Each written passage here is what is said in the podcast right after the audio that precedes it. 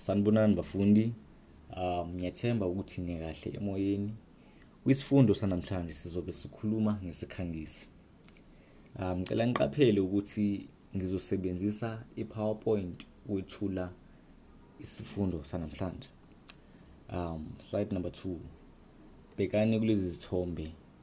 Um izithombe ziyisibonelo sesikhangisi ngoba sibona ngamagama agqamile kanye nemibala esetshenzisiwe egqamile.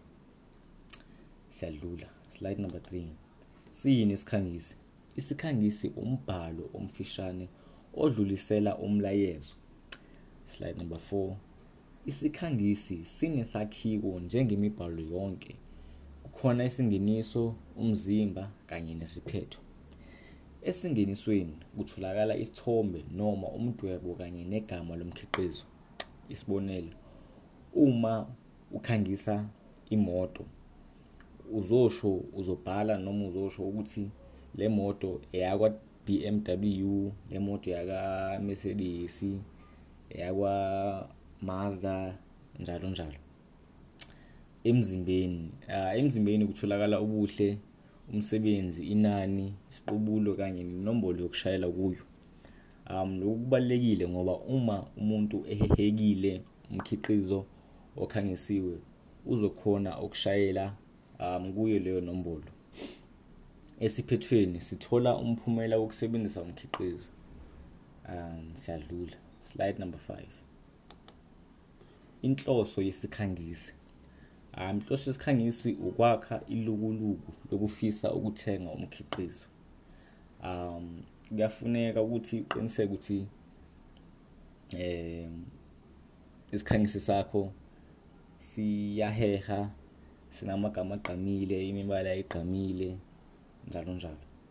Um inhloso yenye ukuheha abathengi sengikhulumile ngayo ukuthuthukisa ulwazi ngomkhiqizo okhangiswayo and then okunye futhi ukwenza abathengi baphume bayowuthenga lo mkhiqizo.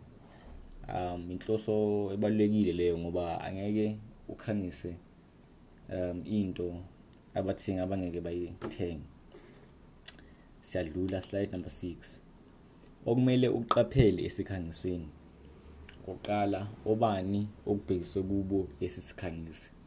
Um kungaba abantu abadala abantwana um amantombazana abafana kanjalo. And then ukuhleleka kanye nobungakho befonti eh ubungakho befonti kubalekile ifonti yakho kumele igqame ukuze ukhona ukuheha abantu nokuhleleka kanye kubalekile. Um okunye ukubheka ulimi olusetshenzisiwe kungaba ulimi olunothile olukhohlisayo noma umbuzo mbumbulu ah naloku kubalekile um la ubheka ulimi olusetshenzisiwe ngoba angeke usebenzise um ulwimi zamagama athukanayo uma ukhangisa into ngoba ngoba angeke uthola abathengi. And then ukubaleka kokusebenzisa imibala okay kanye nokuthi sizokhishwa kuphi leso sikhangiso. Kungaba umsakazo iphephandaba noma umabonakude. Um kubalekile ukuthi isikhangiso sakho siphume kuzo zonke le ndawo umsakazo emsakazweni emaphephandaba noma kumabonakude ukuze uzothola wonke um umuntu ayibone into oyikhangisayo. Siyadlula. Slide number 7 izibonelo izibonelo zezikhangisi sephephandaba nomabonakude. Um siyadlula umsebenzi weklasi. Bekani lesi sikhangiso esilandelayo bese niphendula imibuzo umfundi ngamunye ezincwadini zenu. Um ilanga Easter promotion.